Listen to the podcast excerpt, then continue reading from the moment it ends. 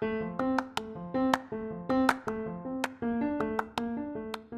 sann, og velkommen til Spareglede podkast med meg, Anne-Berit Grostad.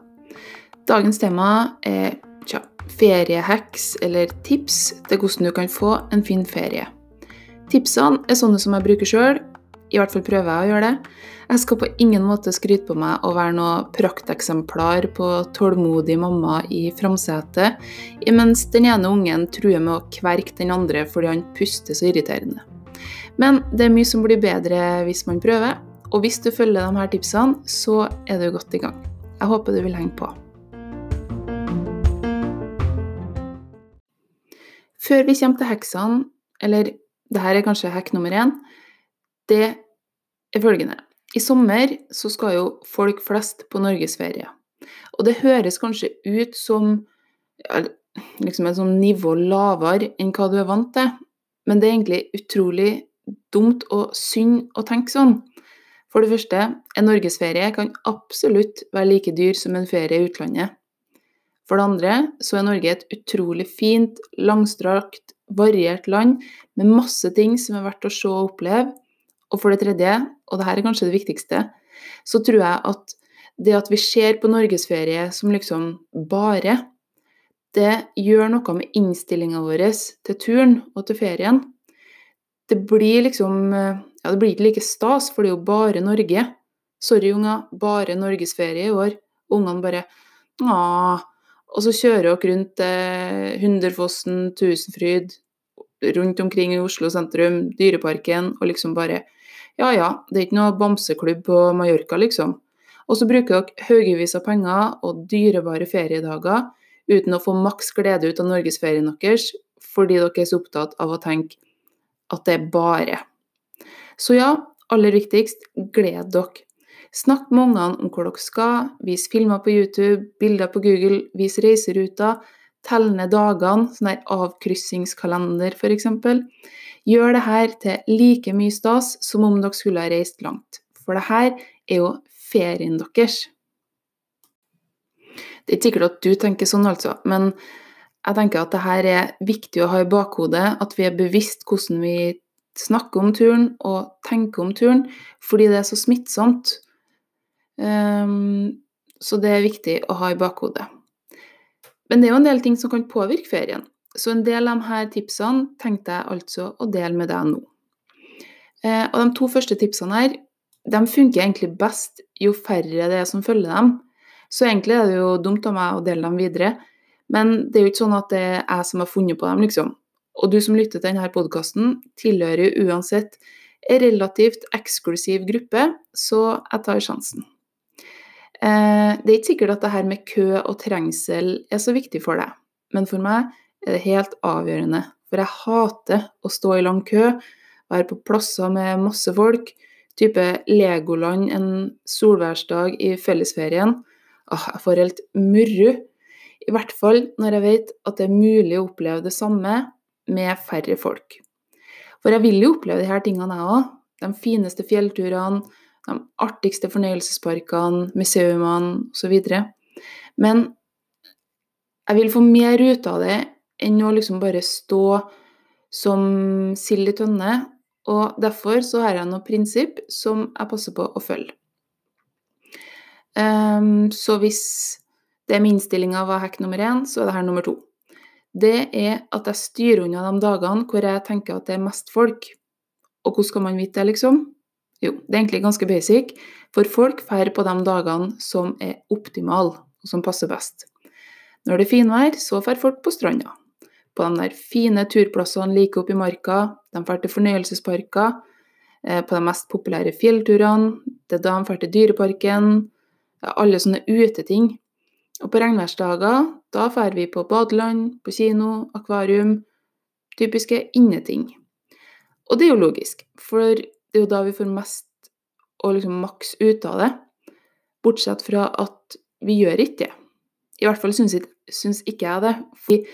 For meg så forringes opplevelsen så gærlig av at det er fullt. Det beste hadde selvsagt vært å fære på f.eks. Romsdalseggen eller Besseggen eller Tusenfryd på en dag med perfekt vær og temperatur, og være helt alene der. Men sånn funker det jo ikke. Så derfor vil jeg heller fære på en dag hvor været eller temperaturen tilsier at aktiviteten ikke er helt optimal, for da er det òg langt færre som velger å fære dit. Og jeg tenker at det gjelder spesielt typiske inneaktiviteter. Eh, for et par uker siden så var f.eks. jeg og mannen min ute på restaurant og kino. Og jeg må si at jeg følte meg litt dum som skulle på kino en uh, fredagskveld når det for en gangs skyld var sol og deilig i Trondheim. Men da vi kom på kinoen, så var vi der helt alene. Og vi kunne sitte i de sofasetene i den svære kinosalen, som egentlig er dyrere. Og det var så digg å ha hele salen for seg sjøl. Det var liksom sånn der luksus à la eh, MTV-serien Cribs som gikk på 90-tallet, hvor kjendisene liksom viser frem husene sine og har egne kinosaler. Og det fikk vi fordi resten av Trøndelag valgte å være ute denne sommerkvelden. Eh, og i dag, hvor det var 30 grader og knallvær her på Orkanger, så for vi på et ganske nyåpna badeland her, som heter Orklandbadet. Det badelandet ligger helt nede i strandkanten, og siden Orkangers innbyggere lå på stranda like utafor disse panoramavinduene, eh, så lå jeg og familien min og duppa nesten helt alene i bassengene og bare kikka ut på dem som lå der oppå hverandre på stranda, og det var så deilig. Hvis vi hadde venta med disse tingene til en regnværsdag, da hadde vi aldri i verden fått like mye ut av uh, de her opplevelsene. Sammen med fornøyelsesparker, da vi var på Djurs sommerland i Danmark i fjor, på en dag med lett regn. Da var det null kø, og vi kunne ta karuseller hele dagen. Et par dager etter så var vi der på sånn todagers pass. Vi var der igjen. Det var sol, og da sto vi i kø kanskje 75% av tida. Men billettene kosta jo det samme som den dagen det var regn. Så ja, poenget mitt er altså Gå motstrøms og velg aktiviteter i løpet av helga eller ferien eller ettermiddagen som ikke så mange andre velger akkurat den dagen. En annen hekk, den er litt enklere, da. Den handler om å få maks ut av et besøk på typ fornøyelsesparker eller andre plasser, hvor du liksom følger stier og skal oppleve forskjellige ting etter tur. Eh, jeg leste nemlig et sted at folk flest går mot høyre når de kommer inn i en park eller et museum eller sånne ting. Eh, så hvis du i stedet går mot venstre, så går du motstrøms, og da slipper du å stå i kø sammen med alle andre. Alternativt så kan dere velge å gå eh, aller innerst i parken idet dere kommer, og jobbe dere mot utgangen. For folk flest starter der de kommer inn, og jobber seg innover. Så nok en gang gå motstrøms. Eh, de andre tipsene de går på litt andre ting, men alt, alt handler altså om denne ferietida som vi har foran oss. Jeg kan prøve å holde på en slags nummerering. Jeg tror vi har kommet til nummer fire. Så ja, nummer fire. Pass på å booke hotell, camping, motell osv. direkte gjennom nettsidene til liksom, det hotellet du skal på. Og ikke gjennom Expedia eller eh, booking.com eller hotels.com eller sånne ting. Fordi da går nemlig en relativt stor andel til den nettsida, i stedet for at hotellet eller campingplassen får hele inntekta. Ehm, det er viktigere jo mindre virksomheter er. For de plassene som ikke hører til i kjede, de må visstnok gi fra seg enda mer av inntektene sine enn hva de større kjedene må. Så hvis du har lyst til å støtte norsk næringsliv, booke rett på hjemmesida til det hotellet du skal på.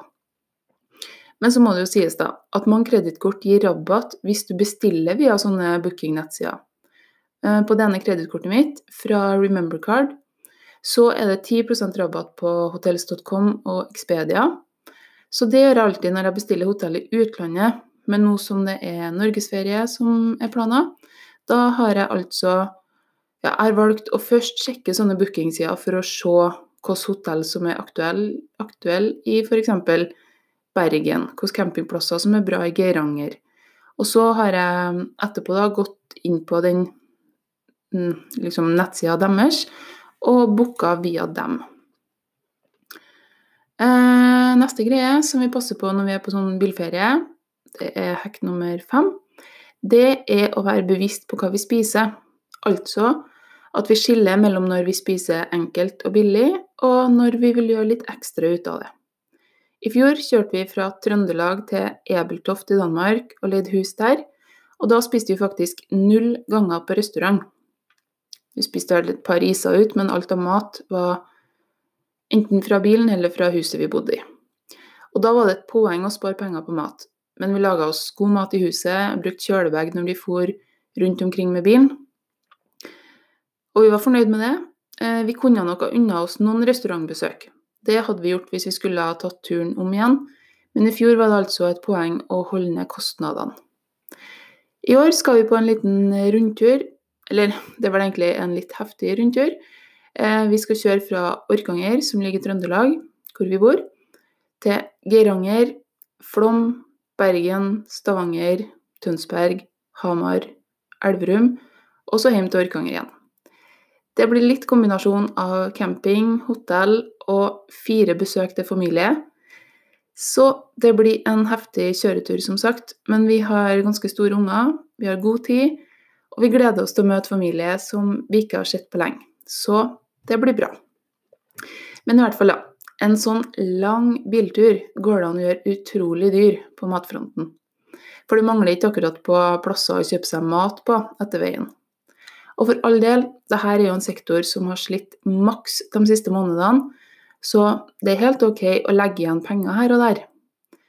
Men som alltid så er jeg altså opptatt av å få maks glede ut av pengene, og at verken vi voksne eller ungene bare skal tenke ja ja, nok en restaurantlunsj, uten å glede oss over det, for det har liksom blitt det vanlige, det normale. Eh, vi vil at det skal være en ekstra. Så vi drar altså med kjølevegg, en sånn som du kobler til sigarettuttak-greiene i bilen. Og så spiser vi de fleste måltidene på veien på rasteplasser. Hvis det regner, så kan vi spise i bilen, men da prøver vi å liksom, ja, justere setene litt og sette oss litt annerledes, sånn at vi sitter litt ok, og at det liksom blir et måltid.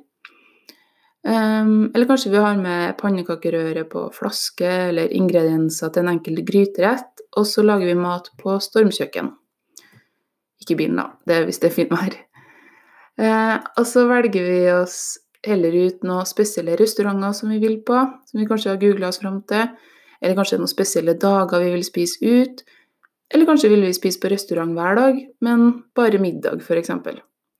Poenget er i hvert fall å ha tenkt gjennom saken, og ikke bare kjøre rundt uten mat og være nødt til å stoppe og kjøpe pølser på Esso fordi at alle i bilen er sur og sulten. Hvis du syns det å liksom spise eh, ut fra en kjøleboks høres kjipt ut, bruk gjerne mer penger på restaurant, men gled deg i det minste over det, og vit at dette er en prioritering, at det faktisk koster masse penger, og at det i så fall går på bekostning av noe annet. Og det er jo greit. Nummer seks det er å gi ungene feriepenger. Det kan gjerne være noe som de har tjent opp i forkant, sånn at de føler på at dette er noe de har jobba for. Jeg tror at det gjør at de holder litt hardere på pengene, fordi da husker de jo at det krevde en innsats å få dem. Men uansett, om du bare gir dem pengene så bør det i det minste være en avtalt sum. Dette er det de har å bruke. Bli enig før ferien. Dette er det du har til rådighet. Det er ikke noe vits i å begynne å krangle i suvenirboden på Tusenfryd hvis de er tom for penger, men har lyst på en sånn herre latterlig diger slush-drikkekopp-ting. Når det er tomt, så er det tomt. Men husk å snakke om det underveis, da, i fredstid.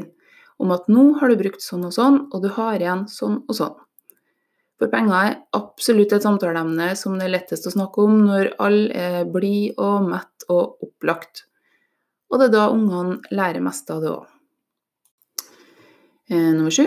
Den her er kanskje litt rar, men for sånne som meg, som liker å sitte og bruke unødvendig mye tid på å prikle med småting, så tror jeg det er en god idé. Vi skal som sagt kjøre temmelig langt i sommer, og vi skal overnatte på seks forskjellige plasser, se masse forskjellige ting. Ungene mine, som er 8 og 11, de har aldri vært på en sånn ferie før. Og jeg er veldig spent på om de blir lei og sliten, om de plutselig gjør opprør på E39 mellom Bergen og Stavanger og bare nekter å sette seg inn i bilen igjen. For å unngå det, da, så tenker jeg at forutsigbarhet er nøkkelen. Og Derfor så har jeg laga et hefte til dem med reiseruter for hver dag, eh, hvor langt det er å kjøre, hvor vi skal overnatte, eh, hvem vi skal møte, eh, og bilder av høydepunktene for den dagen. Det er en ganske enkel greie, egentlig, hvor jeg klippet inn kart fra Google Maps som viser kjøreruter, diverse bilder på Google inn i et Word-dokument og skrevet ut. Og kanskje er det helt unødvendig og teit, men jeg tror i hvert fall at det å være forberedt på hva man går til, er en god oppskrift på litt mindre sutring fra baksetet, og at ungene i stedet kan glede seg over det vi skal gjøre. Så det anbefaler jeg deg å gjøre òg, hvis du liker å ordne med sånt. Eh, nummer åtte. Den her kan det hende at jeg feiler på sjøl. I hvert fall er jeg ikke helt sikker på om jeg er helt innafor. Det handler nemlig om å begrense, for du rekker ikke alt. Vi lar oss ofte bli styrt av denne fomoen, altså eh, står her for uh, the fear of missing out, altså å gå glipp av ting. Og så bare fyller vi ferien til randen av alt vi vil gjøre. Skal vi ha norgesferie, så skal det bedre bli norgesferie, liksom. Og så blir vi sliten, ungene blir overvelda, de blir lei, og så rekker ikke dere å kose dere. For det var ikke lagt inn tid til i timeplanen. Den observante lytter vil nok kanskje merke seg at vi ser ut til å ha gapa over litt meget i denne ferien, og jeg må innrømme at egentlig så var det enda flere dager, enda flere stopper og gjøremål på de ulike plassene. For jeg er absolutt ekspert på å prøve å få mest mulig ut av ting, og så blir det overkill. Men vi har altså landa på de her distansene, de her aktivitetene, de her besøkene, og at det er passe for oss. Vi kunne ha kombinert det med Åndalsnes og gått opp til rampestreken, som jeg hadde lyst til. Tatt et par dager i Kristiansand, hvor jeg har familie, hvor jeg aldri har vært. Og jeg ville egentlig kjøre oppom Beitostølen og ligge en natt på Bygdin, men ja, litt har vi altså begrensa, da. Jeg må forresten poengtere, men det skjønte du sikkert sjøl, at jeg er elendig til å se for meg tid og avstand, så jeg skylder på det når jeg gaper over for mye. Men mannen min har vært med og skrella bort og vurdert reiserute og lengde, og han er litt mer jorda enn hva jeg er når det gjelder sånne ting. Så vi er trygge på at det blir bra. Men med mindre unger, eller mer urolige eller utålmodige unger, da hadde det selvsagt ikke gått. Ja, nå snakker jeg meg bort igjen. Poenget var i hvert fall ikke gape over for mye.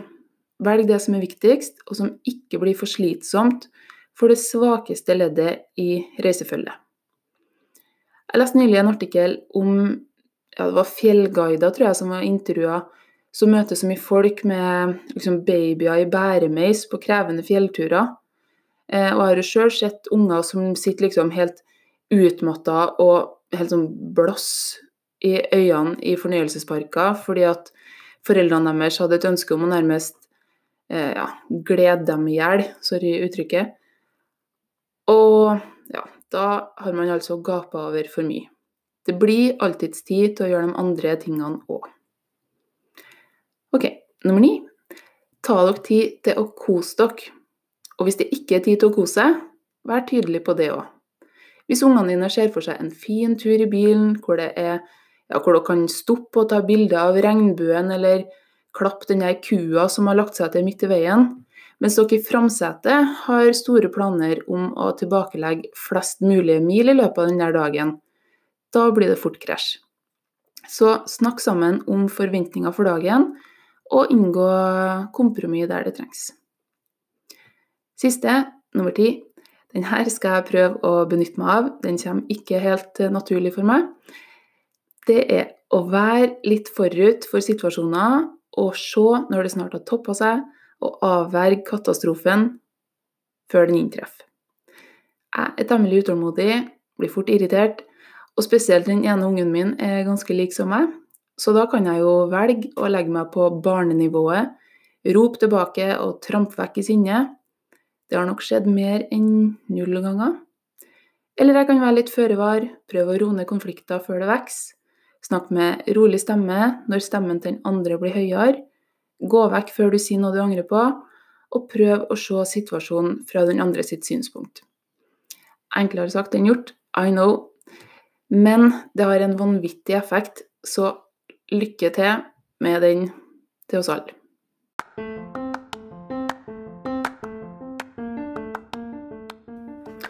Yes, Som vanlig litt diverse tips fra meg her, altså. Noen litt lettere å gjennomføre enn andre. Men jeg håper du har fått noen tips du kan bruke til årets ferie, eller neste års for den saks skyld. De fleste tipsene passer jo uansett hvor og hva du skal. Jeg tar ikke sommerferie fra podkasten, men siden jeg skal være litt på farta, så vil det være litt ymse ja, både lengde og innhold på hver episode. Men trykk 'abonner' der du hører podkast, så dukker den neste episoden opp som forslag til deg når du har tid til å høre podkast i løpet av sommeren. Jeg håper at du får en super ferie, uansett når den er og hva du skal gjøre. Husk at det ikke er ditt personlige ansvar å redde Turist-Norge fra konkurs. Du må følge din lommebok, dine prioriteringer og familien sine ønsker og behov. Jeg håper vi snakkes i neste uke. Ha det bra så lenge.